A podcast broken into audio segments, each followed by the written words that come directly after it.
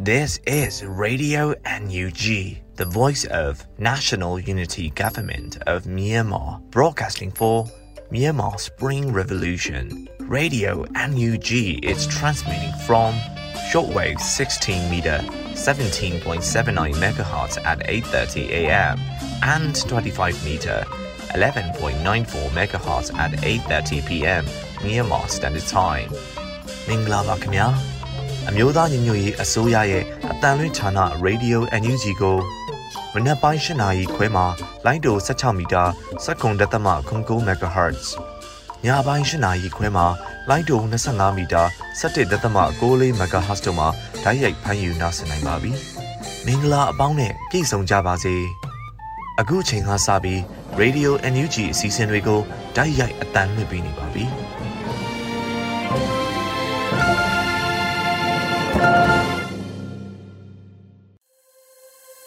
မြန်မာနိုင်ငံသူနိုင်ငံသားအပေါင်းတဘာဝပြီးဆရာနာရှင်ပြီးတို့ကနေကင်းဝေးပြီးကိုစိတ်နှပါဘေးကင်းလုံခြုံကြပါစေလို့ရေဒီယိုညူဂျီဖော်သားများကဆုတောင်းမြတ်တာပို့သလိုက်ရပါတယ်။အခုချိန်ကစပြီးကာကွယ်ရေးဝန်ကြီးဌာနရဲ့စီရေးသတင်းချင်းချုပ်ကိုတော့မျိုးဦးမောင်မှဖတ်ကြားတင်ပြပေးပါရမရှင်။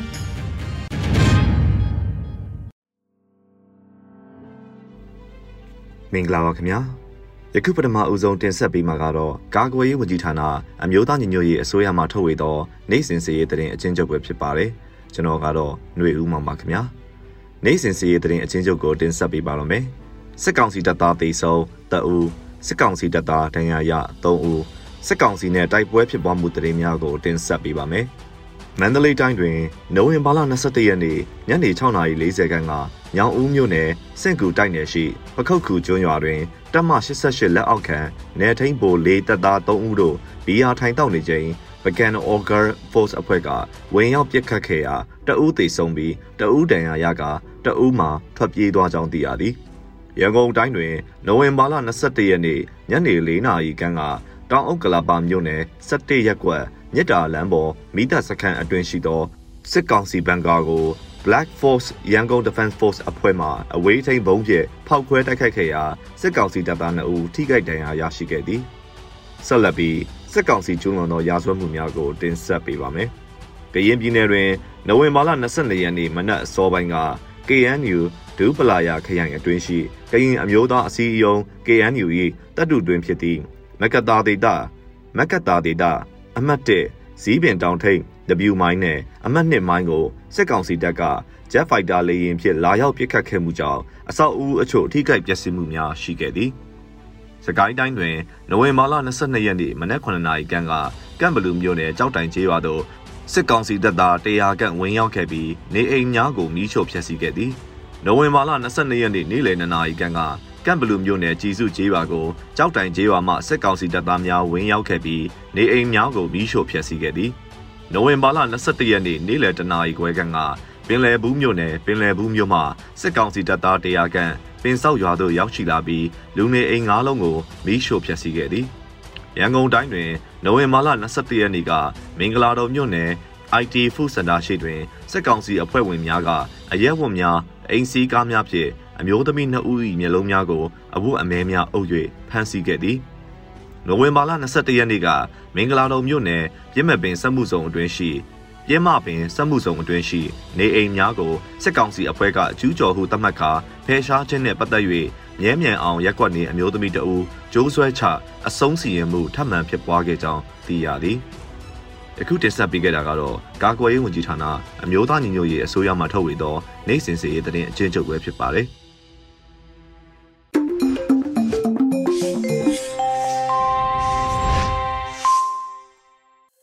ရေဒီယိုညူချီရဲ့မနက်ခင်းစီစဉ်တွေကိုဆက်လက်တင်ပြနေပါတယ်။အခုတစ်ခါ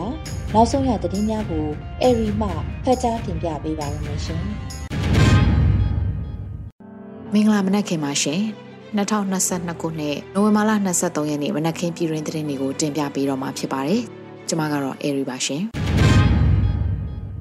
လက်ရှိမြန်မာຫນွေဦးတော်လှန်ရေးမှာအကြံဖက်ဆဲအုပ်စုတစ်ခုလုံးကိုအလင်းမြန်ချိန်မုံတုတ်တင်နိုင်ရေးယာယီသမရတိုက်တွန်းလိုက်တဲ့သတင်းကိုတင်ပြပေးပါမယ်။ နိုဝင်ဘာလ22ရက်နေ့ကကျင်းပတဲ့အမျိုးသားညီညွတ်ရေးအစိုးရရဲ့85ကြိမ်မြောက်အစိုးရဖွဲ့အစည်းအဝေးမှာယာယီသမရကလက်နက်ကင်ပြိပခရှေ့ကြလာတာနဲ့အမျှတိုင်းပြည်နယ်လူလူဟာစိုးတဲ့ဆိုးရွားလာဖို့ပဲရှိပါတယ်။ဒါကြောင့်ကျွန်တော်ကဒီနေရာကနေအထူးတိုက်တွန်းချင်တာတစ်ခုရှိပါတယ်။အဲ့ဒါကတော့လက်ရှိမြန်မာနွေဦးဒေါ်လာရေးမှာအကြမ်းဖက်စစ်အုပ်စုတစ်ခုလုံးကိုအလင်းမြန်ချေမှုန်းတုတ်တင်နိုင်ရေးတာဖြစ်ပါတယ်လို့ယာယီသမရကဆိုပါတယ်။ ဒါအပြင်လူတို့ရဲ့နေ့စဉ်စားဝတ်နေရေးနဲ့အလောက်ကိုင်ခွင့်လန်းတွေကိုတွဲဝိုက်တဲ့နည်းနဲ့တော့၎င်းဓာတ်ရိုက်အားဖြင့်တော့၎င်းကြိုးပမ်းအားထုတ်ရမှာရှိတယ်လို့ယာယီသမရကထပ်လောင်းပြောကြားခဲ့ပါသေးတယ်ရှင်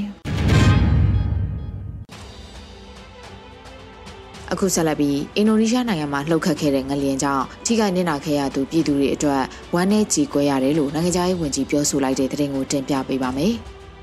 အင်ဒိုနီးရှားနိုင်ငံမှာလှုပ်ခတ်ခဲ့တဲ့ငလျင်ကြောင့်ထိခိုက်နစ်နာခဲ့ရသူပြည်သူတွေအတွက်ဝမ်းနည်းကြေကွဲရတယ်လို့ NUG နိုင်ငံခြားရေးဝန်ကြီးဒေါ်စင်မအောင်ကနိုဝင်ဘာလ22ရက်နေ့မှာ Twitter ကနေတဆင့်ဆိုထားပါတယ်။ အနောက်ဂျာဗာမှာလှုပ်ခတ်ခဲ့တဲ့ငလျင်ကြောင့်ကြားသိခဲ့ရတဲ့အတွက်အလွန်စိတ်မကောင်းဖြစ်မိပါတယ်။ NUG အစိုးရဟာအင်ဒိုနီးရှားပြည်သူတွေနဲ့အတူရပ်တည်ပြီးထိခိုက်နစ်နာခဲ့ရသူတွေရဲ့မိသားစုတွေထံအလေးအနက်ဝမ်းနည်းကြောင်းပေးပို့အပ်ပါတယ်လို့ဆိုထားပါတယ်။အင်ဒိုနီးရှားနိုင်ငံအနောက်ဂျာဗာပြည်နယ်မှာနိုဝင်ဘာလ22ရက်နေ့ကပြင်းအား5.6ရှိတဲ့မြေငလျင်လှုပ်ခတ်ခဲ့ပြီးလူပေါင်း162ဦးသေဆုံးခဲ့တယ်လို့လည်းသိရှိရပါတယ်ရှင်။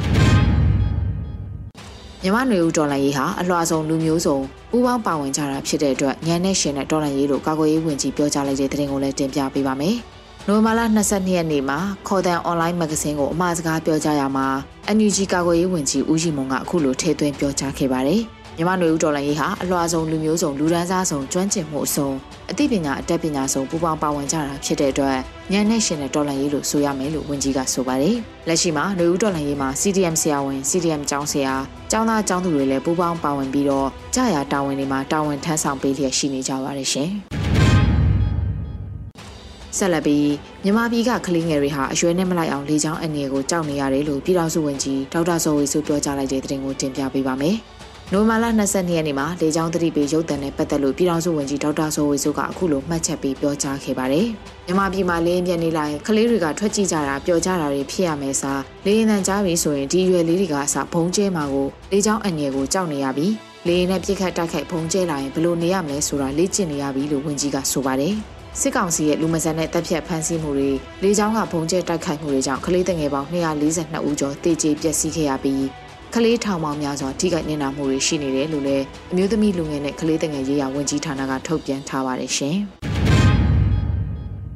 တန်တမန်ရေးရာအဆင့်မြင့်တင်တိမှတ်ပြုရေးနော်ဝေနိုင်ငံရေးပါတီတွေကပါလီမန်အမတ်တွေနဲ့တွေ့ဆုံဆွေးနွေးခဲ့တဲ့တဲ့တင်ကိုတင်ပြပေးပါမယ်။ CRPH NUCC နဲ့ NUG တို့ကိုတန်တမန်ရေးရာအဆင့်မြင့်တဲ့အသိမှတ်ပြုရေးနော်ဝေနိုင်ငံရေးပါတီတွေကပါလီမန်အမတ်တွေနဲ့နိုဝင်ဘာလ22ရက်နေ့မှာတွေ့ဆုံဆွေးနွေးခဲ့တယ်လို့သတင်းရရှိပါရယ်။နိုဝင်ဘာလ22ရက်နေ့မှာနော်ဝေနိုင်ငံအနေနဲ့ NUG ကိုတန်တမန်ရေးရာအဆင့်မြင့်တဲ့ဆက်ဆံမှုပြုလုပ်ဖို့အပါအဝင်တခြားကိစ္စရပ်တွေကိုဆွေးနွေးခဲ့ကြတယ်လို့လူခွင့်ရေးရာဝန်ကြီးဌာနကသတင်းထုတ်ပြန်ဖော်ပြပါရယ်။ အဆိုပါတွေ့ဆုံဆွေးနွေးပွဲကိုနော်ဝေဘက်ကနော်ဝေလွှတ်တော်အမတ် Mr. Ola Everstuen ဦးဆောင်တဲ့လွှတ်တော်ကိုယ်စားလှယ်တွေ University of Oslo မှပါမောက္ခ Christine Stokey နော်ဝေနိုင်ငံရေးပါတီမှပါလီမန်အမတ်တွေတက်ရောက်ခဲ့ကြတယ်လို့သိရှိရပါတယ်။မြန်မာနိုင်ငံဘက်က CRPH ဥက္ကဋ္ဌဦးအောင်ကြည်ညော့ မြန်မာအလုပ်သမားတပ်ပေါင်းစု NUCC မှဦးမောင်မောင်ဦးတိုးကျော်လှိုင်အမျိုးသားညီညွတ်ရေးအစိုးရ NUG မှလူခွင့်ရေးဆိုင်ရာဝန်ကြီးဌာနပြည်ထောင်စုဝန်ကြီးဦးအောင်မျိုးမင်းလူသားချင်းစာနာထောက်ထားရေးနဲ့ဘေးရန်ရေးဆိုင်ရာစီမံခန့်ခွဲရေးဝန်ကြီးဌာနပြည်ထောင်စုဝန်ကြီးဒေါက်တာဝင်းမြတ်အေးအမျိုးသမီးလူငယ်နဲ့ကလေးငယ်ရေးရာဝန်ကြီးဌာနပြည်ထောင်စုဝန်ကြီးနော်ဆူဇန်နာလှလှဆိုအပြည်ပြည်ဆိုင်ရာပူးပေါင်းဆောင်ရွက်ရေးဝန်ကြီးဌာနပြည်ထောင်စုဝန်ကြီးဒေါက်တာဆဆာနိုင်ငံခြားရေးဝန်ကြီးဌာနမှဒုတိယဝန်ကြီးဦးမိုးစောဦးနဲ့နော်ဝေနိုင်ငံဆိုင်ရာ NUG ကိုယ်စားလှယ်ဦးမောင်မောင်မြင့်တို့တက်ရောက်ခဲ့ကြတယ်လို့သိရှိရပါတယ်။ ပြည်ဆောင်ဆွေးနွေးပွဲမှာအမျိုးသားညီညွတ်ရေးအစိုးရလူခွင့်ရေးဆိုင်ရာဝန်ကြီးဌာနပြည်ထောင်စုဝန်ကြီးဦးအောင်မျိုးမင်းကမြန်မာနိုင်ငံမှာရင်ဆိုင်ကြုံတွေ့နေရတဲ့လူခွင့်ရေးချိုးဖောက်မှုတွေစိန်ခေါ်မှုတွေနဲ့အခက်အခဲတွေအာဏာသိမ်းစစ်ကောင်စီကို ICC နဲ့ ICJ တို့မှတရားစွဲဆိုထားရှိမှုနဲ့ပတ်သက်တဲ့ဖြစ်ပေါ်တိုးတက်မှုတွေစတာတွေကိုတင်ပြခဲ့ပါတယ်။နော်ဝေနိုင်ငံပါလီမန်အဖွဲ့ကလည်းနော်ဝေနိုင်ငံအနေနဲ့မြန်မာပြည်သူတွေရဲ့ဒီမိုကရေစီရေးကြိုးပမ်းမှုကိုအမြဲမပြတ်အားပေးလျက်ရှိပါကြောင်း မြန်မာနိုင်ငံမှာဒီမိုကရေစီပြန်လည်ရှင်သန်ရေးနဲ့အနာဂတ်ဖက်ဒရယ်ပြည်ထောင်စုတည်ထောင်ရေးအတွက်အားပေးထောက်ခံကူညီမှုတွေလှုံ့ဆော်မှုအမြဲမပြတ်ပြင်ဆင်ဆောင်ရွက်လျက်ရှိနေကြောင်းတို့ကိုပြောကြားခဲ့ကြတယ်လို့သတင်းရရှိပါရရှင်။ဆက်လက်ပြီးလွှတ်တော်လုပ်ငန်းတွေပူးပေါင်းဆောင်ရွက်နိုင်ရေးပြည်ထောင်စုလွှတ်တော်ကိုစားပြုကော်မတီနဲ့ချင်းပြည်နယ်လွှတ်တော်ကိုစားပြုကော်မတီတို့တွေ့ဆုံဆွေးနွေးခဲ့တဲ့သတင်းကိုတင်ပြပေးပါမယ်။ နိုဝင်ဘာလ22ရက်နေ့မှာပြည်ထောင်စုလွှတ်တော်ကိုစားပြုကော်မတီနဲ့ချင်းပြည်နယ်လွှတ်တော်ကိုစားပြုကော်မတီတို့လွှတ်တော်ဆိုင်ရာလုပ်ငန်းတွေနဲ့ဆက်လင်းပြီးတွေ့ဆုံဆွေးနွေးမှုကိုဗီဒီယိုကွန်ဖရင့်ကနေတဆင့်ကျင်းပပြုလုပ်ခဲ့ပါတယ်။ အစည်းအဝေးမှာပြည်ထောင်စုလွှတ်တော်ကိုစားပြုကော်မတီဥက္ကဋ္ဌဦးအောင်ကြည်ညွန့်ကအဖွင့်မှာစကားပြောကြားပြီးတဲ့နောက်ချင်းလွှတ်တော်ကိုစားပြုကော်မတီဥက္ကဋ္ဌဦးပါထန်ကလွှတ်တော်ဆိုင်ရာလုပ်ငန်းတွေအတွက်ပုံမှုချိတ်ဆက်လှုပ်ဆောင်နိုင်စေဖို့ရှေ့ဆက်ပြီးပူးပေါင်းဆောင်ရွက်လိုတဲ့လုပ်ငန်းတွေအပါအဝင်ချင်းပြည်နယ်ကအုပ်ချုပ်ရေးကာကွယ်ရေးနဲ့ဆက်လင်းတဲ့မြေပြင်အခြေအနေတွေလူသားချင်းစာနာထောက်ထားမှုဆိုင်ရာလိုအပ်နေတဲ့အကူအညီတွေရင်ဆိုင်ကြုံတွေ့နေရတဲ့စိန်ခေါ်မှုတွေကိုရှင်းလင်းတင်ပြဆွေးနွေးခဲ့ပါတယ်။ အစည်းအဝေးကိုပြည်ထောင်စုလွှတ်တော်ကိုစားပြုကော်မတီဥက္ကဋ္ဌအတွင်းရေးမှူးတွေနဲ့အဖွဲ့ဝင်တွေချင်းပြည်နယ်လွှတ်တော်ကိုစားပြုကော်မတီဥက္ကဋ္ဌနဲ့အဖွဲ့ဝင်တွေတက်ရောက်ခဲ့ကြတယ်လို့သတင်းရရှိပါတယ်ရှင်။စကိုင်းတိုင်းဒေသကြီးလွှတ်တော်ကိုစားပြုကော်မတီကရေးရကော်မတီ၄ခုကိုရွှေကောက်ခံတိုင်းဒေသကြီးလွှတ်တော်ကိုယ်စားလှယ်တွေနဲ့ထပ်မံတိုးချဲ့ဖွဲ့စည်းလိုက်တဲ့သတင်းကိုတင်ပြပေးပါမယ်။နိုဝင်ဘာလ22ရက်နေ့မှာစကိုင်းတိုင်းဒေသကြီးလွှတ်တော်ကိုစားပြုကော်မတီကသတင်းထုတ်ပြန်ခဲ့ပါတယ်။တိုးချဲ့ဖွဲ့စည်းလိုက်တဲ့ရေးရကော်မတီ၄ခုမှာလူသားချင်းစာနာထောက်ထားကူညီရေးနဲ့လူထုဆက်ဆံရေးကော်မတီ လုံခြုံရေးနဲ့ကာကွယ်ရေးဆိုင်ရာကော်မတီ Federal ရေးရာသုတေသနကော်မတီပညာရေးနဲ့ကျန်းမာရေးဆိုင်ရာကော်မတီတို့ဖြစ်ကြပါတယ်။အဆိုပါကော်မတီလေးခုကိုဖွဲ့စည်းရခြင်းကတော့လက်ရှိတော်လှန်ရေးကာလနဲ့တော်လှန်ရေးအလွန်ကာလတွေမှာလူထုနဲ့တိုင်းပြည်အတွက်ထိရောက်စွာပံ့ပိုးကူညီသွားဖို့ဖြစ်တယ်လို့သိရှိရပါတယ်ရှင်။တူမီတပေါက်အာနာယူအပြောက်ကမ်ပိန်းကို NUG ဘေးကစတင်လိုက်တဲ့သတင်းကိုလည်းတင်ပြပေးပါမယ်။နိုဝင်ဘာလ22ရက်နေ့မှာ NUG ဘေးရဲ့အသိပေးဖော်ပြချက်အရ စတုထအကြိမ်မြောက် NUG ပေးနဲ့ပြည်သူတွေရဲ့ For Our People လှုပ်ရှားမှုမှာချင်းတောင်နှန်း၌စစ်မီးငိမ့်၍အာဏာရှင်အမြင့်ဖြတ်နိုင်ရန်ဝန်ရံသွားပါမယ်လို့ NUG ပေးကဆိုပါတယ်။နိုဝင်ဘာလ22ရက်နေ့ကနေဒီဇင်ဘာလ1ရက်နေ့အထိချင်းပြည်နယ်အတွက်လှူဒါန်းမှုတွေကိုလက်ခံသွားမှာဖြစ်ပြီးတိုက်ပွဲဒေသတွေအရောက်ပေးပို့သွားမှာဖြစ်ပါတယ်။ NUG ပေးဟာစစ်ကောင်စီလက်အောက်ကလွတ်ကင်းတဲ့တကူရဲသောဗဏ္ဍာရေးစနစ်ဖြစ်ပြီးတော့တုံးဆွဲသူပေါင်းတောင်းနဲ့ချီရှိနေပြီဖြစ်ပါတယ်ရှင်။အခုဆက်လက်ပြီး ခင်ဦးမြို့နယ်အတွင်းကကျေးရွာပေါင်း48ရွာကလူနေအိမ်1800ကျော်ကိုအကြမ်းဖက်စစ်တပ်ကမိရှို့ဖျက်ဆီးထားပြီးဖြစ်တယ်ဆိုတဲ့သတင်းကိုတင်ပြပေးပါမယ်။ခင်ဦးမြို့နယ်အတွင်းကကျွေးရွာပေါင်း48ရွာကလူနေအိမ်1856လုံးကိုအကြမ်းဖက်စစ်တပ်ကမိရှို့ဖျက်ဆီးထားပြီးဖြစ်တယ်လို့နိုဝင်ဘာလအတွင်းမှာခင်ဦးမြို့နယ်ပြည်သူ့ကာကွယ်ရေးအဖွဲ့ကစည်ရင်ပြုစုထုတ်ပြန်လိုက်ပါတယ်။ခင်ဦးမြို့နယ်ပြည်သူ့ကာကွယ်ရေးအဖွဲ့ပကဖပြုစုထားတဲ့စည်ရင်အရနိုဝင်ဘာလ18ရက်နေ့အထိစည်ရင်နေအရ စစ်ကောင်စီတပ်ကခင်ဦးမြို့နယ်အတွင်းကကျေးရွာပေါင်း48ရွာကလူနေအိမ်1856လုံးကိုမိရှို့ဖျက်ဆီးထားပြီးဖြစ်ပါတယ်လို့ဖော်ပြထားပါတယ်။စစ်တပ်အာဏာသိမ်းပြီးနှစ်နှစ်နီးပါးကာလအတွင်းမှာခင်ဦးမြို့နယ်ကတိုက်ပွဲတွေမှာဒေသခံနဲ့တော်လှန်ရေးအဖွဲ့ဝင်218ဦးသေဆုံးပြီးဖမ်းဆီးခံရသူ143ဦးထိရှိနေပြီဖြစ်ကြောင်းခင်ဦးမြို့နယ်ပကဖအဖွဲ့ရဲ့မှတ်တမ်းတွေအရသိရှိရပါတယ်။အခုတင်ပြပေးခဲ့တဲ့သတင်းတွေကိုတော့ Radio NUG သတင်းတောက်မင်းမင်းကပေးပို့ထားတာဖြစ်ပါတယ်ရှင်။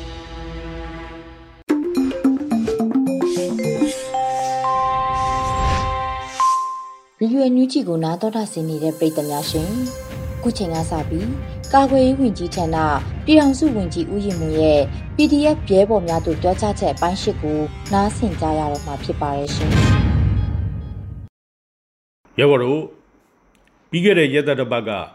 ရွှေညဝါဆရာတော်ကြီးနဲ့တကွ NLD ပါတီက CEC လူကြီးတချို့ကိုမြရေးဆရာမောင်တာချိုကိုမင်းထင်ကိုကိုကြီးတို့လိုနိုင်ငံရေးစာပေနဲ့အမှုပညာနယ်ပယ်က မတရားဖမ်းဆီးအကျဉ်းချခံထားရသူတချို့ပြန်လည်လွတ်မြောက်လာတဲ့အတွက်ငါတို့ဝမ်းမြောက်ကြရတယ်။တစ်ချိန်တည်းမှာပဲအကျဉ်းထောင်ထဲတောင်မရောက်လိုက်ပဲစစ်ကြောရေးစခန်းမှာတင်နှိပ်စက်ညှဉ်းပန်းတပ်ဖြတ်ခံခဲ့ရတဲ့ရဲဘော်တွေအကျဉ်းထောင်ထဲရောက်ပြီးမှကျိုးပေကုတ်မြတ်ခံခဲ့ရတဲ့ကိုချင်းမီကိုစရာတော်တို့လိုသူရဲကောင်းတွေကိုလည်းအထုသတိရပြီးနာကျင်ခံပြင်းဖြစ်ကြရတယ်။ထူးထူးခြားခြားပဲ ငါတို့ရဲ့တော်လန်ရေးမဟာမိတ်အဖွဲ့အစည်းတွေဖြစ်တယ်လို့ပြည်သူတော်လန်ရေးမှာရှေ့တန်းကဥဆောင်ပါဝင်နေတဲ့ ERO အဖွဲ့ဝင်အကျဉ်းကြခံရဲဘော်တချို့ကိုလည်းပြန်လွှတ်ပေးတာတွေ့လိုက်ရတယ်။ဒီလိုအချိန်မျိုးမှာအကြမ်းဖက်စစ်ကောင်စီအနေနဲ့နိုင်ငံရေးအကျဉ်းသားတချို့ကိုဘာကြောင့်ပြန်လွှတ်ပေးလိုက်တာလဲဆိုတာရှုတော်မျိုးမျိုးကဝေဖန်သုံးသပ်ကြတာတွေလည်းရဲဘော်တို့သတိပြုမိလိမ့်မယ်။သိကြတာကတော့နိုင်ငံရေးစီရေးနိုင်ငံတကာရေး အဖက်ဖက်မှာဘီးကြံနံညက်ဖြစ်နေတဲ့စစ်ကောင်စီအဖို့အသက်ရှူပေါက်ရလိုရညာအခုလိုနိုင်ငံရေးအကျဉ်းသားတချို့ကိုလွှတ်ပြလိုက်တာလည်းဖြစ်တယ်ရည်ရွယ်ချက်ကတော့နိုင်ငံရေးမျက်လက်ပြခြင်းအဖြစ်တော်လန်ရေးရဲ့အရှိန်အုံကိုရှော့ချဖို့နိုင်ငံတကာဖိအားကိုရှော့ချဖို့ပဲဖြစ်တယ်ဆိုတာထင်ရှားတယ်နေ့စဉ်နဲ့အမျှရွာစဉ်လက်မီးရှို့တပ်ဖြတ်နှိပ်စက်အကြမ်းဖက်နေတဲ့ကြားကစစ်အာဏာရှင်ကို တစ်စက်ကလေးမှဒူးမထောက်ပဲအပြင်းထန်ဆန့်ကျင်တွန်းလှန်နေတဲ့ပြည်သူတွေရဲ့ဇွဲတက်တိနဲ့ခံနိုင်ရေးဟာစစ်ကောင်စီအတွက်ထိတ်လန့်စရာဖြစ်လာတယ်။နိုင်ငံတကာအတိုင်းဝိုင်းအနေနဲ့လည်းမြို့သားညီညွတ်ရေးဆိုရပါဝင်တော်လှန်ရေးအဖွဲ့အစည်းတွေနဲ့ဓာတ်ရိုက်ထိတွေ့ဆက်ဆံလာကြတာလဲ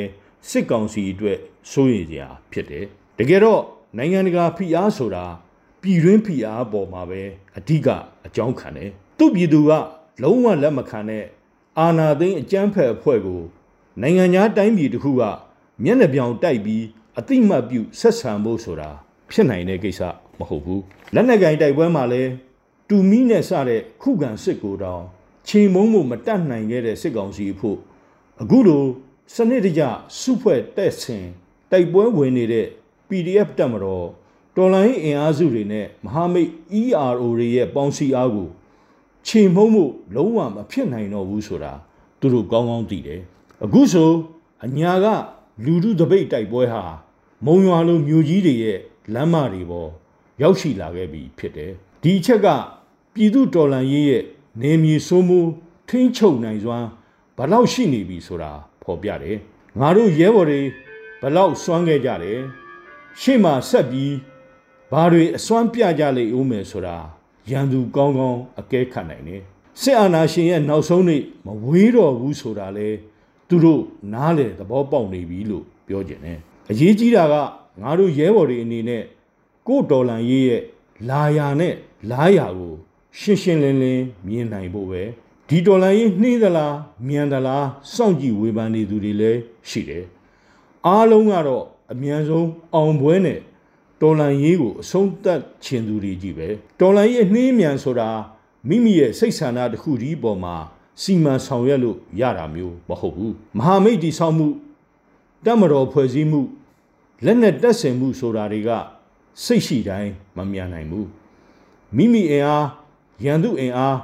ပြည်တွင်းအခြေအနေနိုင်ငံတကာအခြေအနေကိုယ်ပြည်သူလူထုအခြေအနေဘက်ပေါင်းစုံကိုစဉ်းစားချင့်ချိန်ရရမယ် ပြီးရင်ကိုယ်အင်အားကိုယ်အရင်းမြစ်ကိုစုစည်းပြီးအကောင်းဆုံးနဲ့အထိရောက်ဆုံးတော်လန်စစ်ကိုဆင်နွှဲကြဖို့ဖြစ်တယ်ခြေလန်းနှေးတာမြန်လာတဲ့ခြေလန်းမမာဖို့ကပိုရေးကြည့်တယ်တီတီငိမ့်ငိမ့်ခေါင်းအေးထားပြီးခြေလန်းမှန်မှန်လှမ်းနိုင်ရင်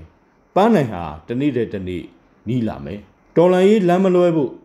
တော်လန်ရေးလမ်းမချော်ဖို့ဆိုရင်ကိုအချင်းချင်းစိတ်ဝမ်းမကွဲရေးနားလည်မှုရှိရေးဟာ အင်မတန်အရေးကြီးတယ်တစ်ချိန်တည်းမှာပဲငါတို့ PDF တက်မတော်ဟာစီရီစစ်သွေးပြေဝပြီးချင်းတော်ကွန်မန်ရှိတဲ့ကုတ်တော်ကွန်တက်ကိုလေးစားလိုက်နာတဲ့ professional တက်မတော်တရားဖြစ်အောင်တနေ့ပြီးတနေ့ကြိုးပမ်းတိဆောက်ကြရမယ်ပြည်သူတော်လှန်ရေးမုတ်ချအောင်ရ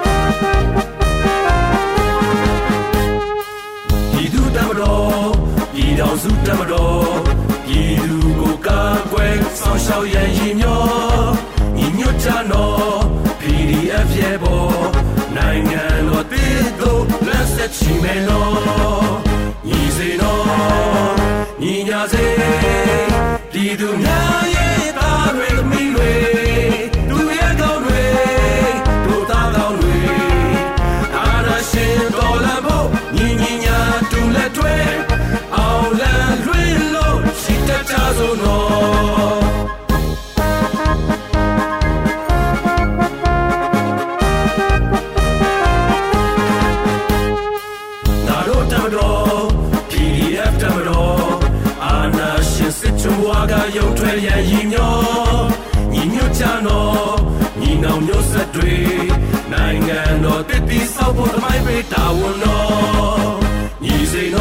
ရဲ့ဘောပြည်တော်စုရဲ့တက်တော်ပြည်သူပါွ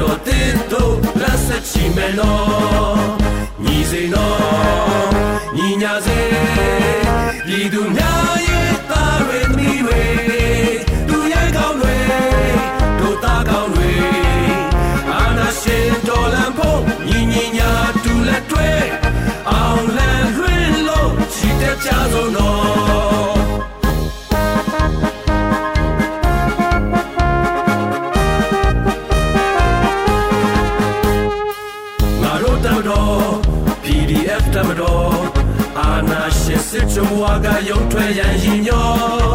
ညီညွတ်ကြတော့ညီနောင်မျိုးဆက်တွေနိုင်ငံတော်တည်တည်ဆောက်ဖို့သမိုင်းပေးတာဝန်တော်ညီစေတော်ညီညာစေ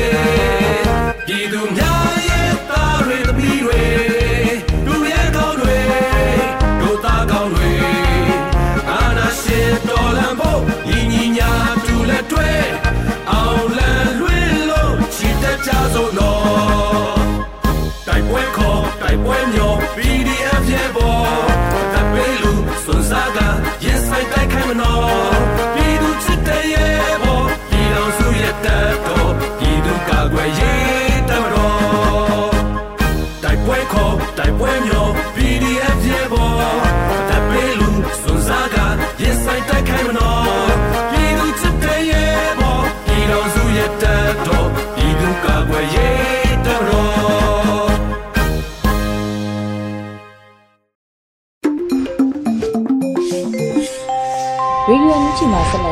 နေပါတယ်။အခုဆက်လက်ပြီးနားဆင်ကြရမှာကတော့ပြည်သူခုခံစစ်တည်င်းများဖြစ်ပါတယ်။နှွေဦးလိပ်ပြမှာဖက်ကြားတင်ပြပေးပါရမရှင်။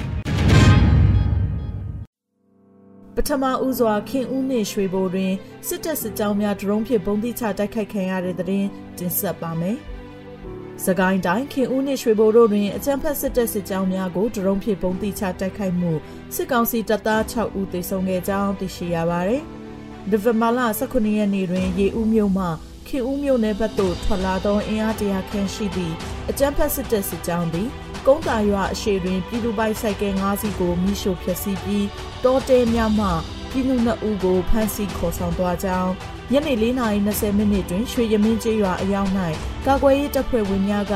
ဒရုန်းဖြင့်ပုံတိချတိုက်ခိုက်ခဲ့ပြီးစစ်သား၄ဦးထိခိုက်ဒဏ်ရာရရှိခဲ့ကြောင်းသိရှိရတာပါ။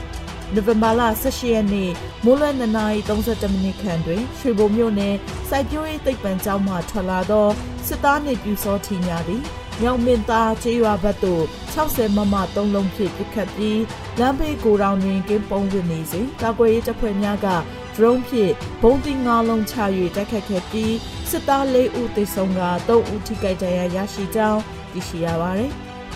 နိုဝင်ဘာလ20ရက်နေ့မိုးလွယ်3:35မိနစ်ခန့်တွင်ရွှေဘုံမြို့နယ်စီအင်းကျေးရွာရဲစခန်းအားဒရုန်းဖြင့်ဘုံတိရှလုံးချ၍တိုက်ခိုက်ခဲ့ပြီးစစ်သားနှင့်ပြူစောထူး2ဦးသေဆုံးခဲ့က4ဦးထိခိုက်ဒဏ်ရာရရှိခဲ့ပါတယ်။ဆက်လက်တင်ဆက်မှာက KNU တပ်မဟာ9နယ်မြေရှိစခန်းများကို KNL တပ်ကဝင်ရောက်တိုက်ခိုက်တဲ့တဲ့မှာက ရင်ပြည်နယ်ဖာပုံမြို့နယ် KNU တပ်မဟာ9နယ်မြေရှိဖာပုံရဲစခန်းစစ်တပ်လေတိုးစခန်းကောသွေးကျိုးစခန်းများကို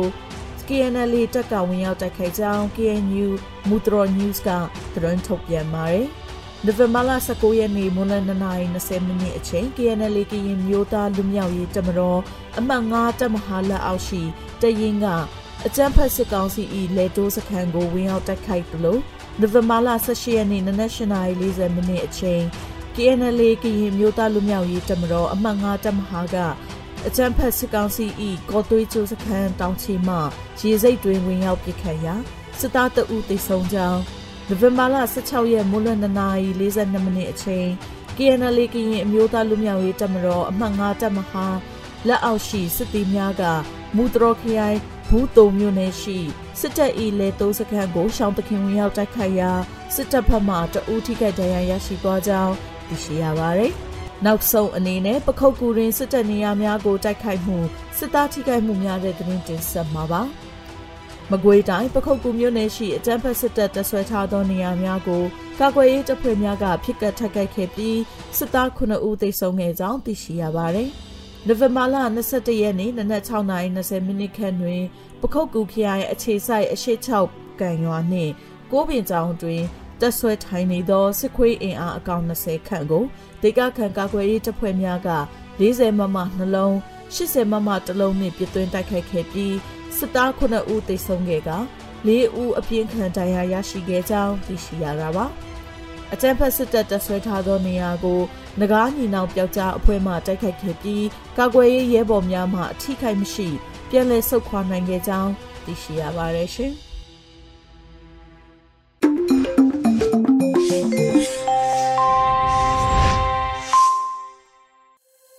ရေဒီယိုအန်ယူဂျီကိုနားတော်တာဆင်နေတဲ့ပရိသတ်များရှင်အခုဆက်လက်ပြီး PPTV ရဲ့နေ့စဉ်သတင်းများကိုမျိုးတော်တာမှဖတ်ကြားတင်ပြပေးပါရမရှင် အခုချိန်ကစပြီး PPTV သတင်းတွေကိုတင်ဆက်ပေးတော့မှာပါကျမမျိုးတော်တာပါ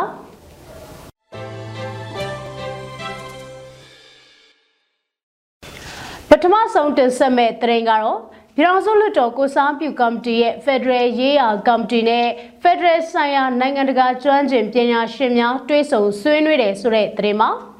ပြည်ထောင်စုလွှတ်တော်ကိုစားပြုကော်မတီ CRPH ရဲ့ Federal ရေးရာကော်မတီနဲ့ Federal ဆိုင်ရာနိုင်ငံတကာကျွမ်းကျင်ပညာရှင်များတွဲဆုံဆွေးနွေးမှုကိုနိုဝင်ဘာ20ရက်ညနေ6နာရီမှာ Video Conference ကတဆင့်ပြုလုပ်ခဲ့ကြပါတယ်။ တွေ့ဆုံဆွေးနွေးပွဲမှာ Federal ရေးရာကော်မတီအနေနဲ့ဒိုင်းဒေသကြီးနဲ့ပြည်내အသီးသီးမှရွေးကောက်ခံလွှတ်တော်ကိုယ်စားလှယ်တွေတော်လှန်ရေးအစုအဖွဲ့တွေနိုင်ငံရေးအစုအဖွဲ့တွေအရက်ဘက်အဖွဲ့အစည်းတွေအစရှိတဲ့အဖွဲ့အစည်းအသီးသီးနဲ့ပူးပေါင်းပြီးအကြမ်းဖက်စစ်ကောင်စီရဲ့အတူအယောင်2023ရွေးကောက်ပွဲကိုစတင်လှုပ်ရှားမှုတွေလှုပ်ဆောင်ဆွေးနွေးခဲ့ကြတာပါ။ ဒါပြင်အတွေ့အကြုံရွေးကောက်ပွဲကပြည်သူတွေရဲ့သဘောဆန္ဒနဲ့ကန့်ညီမှုမရှိုံတာမကတရားမျှတမှုတန်းတူညီမျှမှုစတဲ့ Federal ဆိုင်ရာအခြေခံမူများကို ဖောက်ဖျက်ကလုံးဝတရားဝင်မှုမရှိတာကိုအာဆီယံနဲ့နိုင်ငံတကာအတိုင်းအဝန်းမှာပုံမသိရှိရန်ဆောင်ရွက်ကြရမယ်အစီအမံတွေနဲ့ဆက်လင်းပြီးတော့လဲဆွေးနွေးပြောကြားခဲ့ကြပါတယ်။ တွဲဆောင်ဆွေးနွေးပွဲသို့ဖက်ဒရယ်ရေးရာကော်မတီဥက္ကဋ္ဌ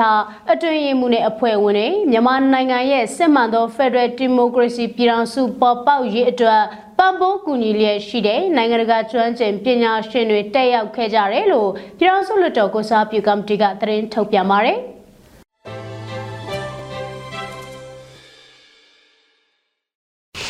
လက်တင်ဆက်ပေးမှာကတော့တိုက်ပွဲဖြစ်ပွားခြင်းမရှိဘဲအကြမ်းဖက်စစ်တပ်ကလက်နက်ကြီးနဲ့ပစ်ခတ်လို့ကလေးမျိုးနယ်မှာအပွားအိုတူသေဆုံးတယ်ဆိုတဲ့သတင်းမှာတိုက်ပွဲဖြစ်ပွားခြင်းမရှိဘဲအကြမ်းဖက်စစ်တပ်ကလက်နက်ကြီးနဲ့ပစ်ခတ်မှုတွေပြုလုပ်ခဲ့လို့ကလေးမျိုးနယ်အတွင်းမှာအပွားအိုတူကြီးထိမှန်ဒဏ်ရာနဲ့သေဆုံးခဲ့ရပါတယ်။ အကြမ်းဖက်စစ်တပ်ကကလေးမျိုးနဲ့အတွင်းမှာမနေ့ကမွန်းလွဲအချိန်ကနေညနေအထိလက်နက်ကြီးနဲ့15ချက်ထက်မနည်းပစ်ခတ်မှုတွေပြုလုပ်ခဲ့တယ်လို့ People's Defense Force ကလေးကပြောထားပါတယ်။အဲ့ဒီလိုပြစ်ခတ်လိုက်တဲ့လက်နက်ကြီးကြီးတွေကဆယ်ကြီးရွာနဲ့တိုးဝန်းချောင်းရွာကလူနေအိမ်တွေပေါ်ကိုကြားရောက်ခဲ့တာဖြစ်ပြီးအဲ့ရထဲမှာလှဲနေတဲ့အဖွားအိုတူးကိုထိမှန်ခဲ့တဲ့အတွက်ပိုက်ပွန့်ပြီးသေဆုံးခဲ့ရတာပါ။ ဒါအပြင်ပြစ်ခတ်မှုကြောင့်ထိခိုက်ဒဏ်ရာရတဲ့သူတွေလည်းရှိတယ်လို့ဆိုပါတယ်ကလေးမျိုးနဲ့အတွင်းမှာအကြံပတ်စစ်တပ်ကစင်အားတိုးချဲ့တာတွေပြုလုပ်နေတဲ့အတွက်ပြည်သူတွေအနေနဲ့ကလေးတမူကားလမ်းမကြီးကိုဖျက်ဆီးသွားလာတာတွေလုံးဝမပြုလုပ်ကြဖို့အတွက် People Defense Force ကလေးနိုဝင်ဘာ20ရက်ကစပြီးတော့အသိပေးထုတ်ပြန်ထားပါတယ်။ကျေးဇူးတင်ပါတယ်ရှင်။။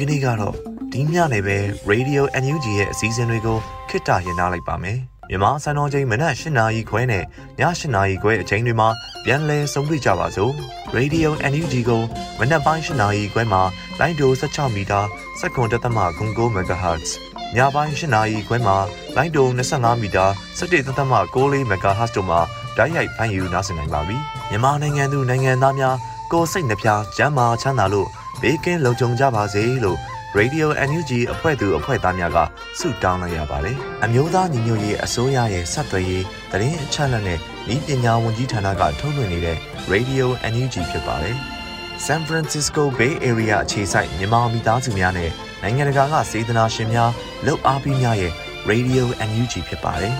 ။အရေးတော်ပုံအောင်ရမည်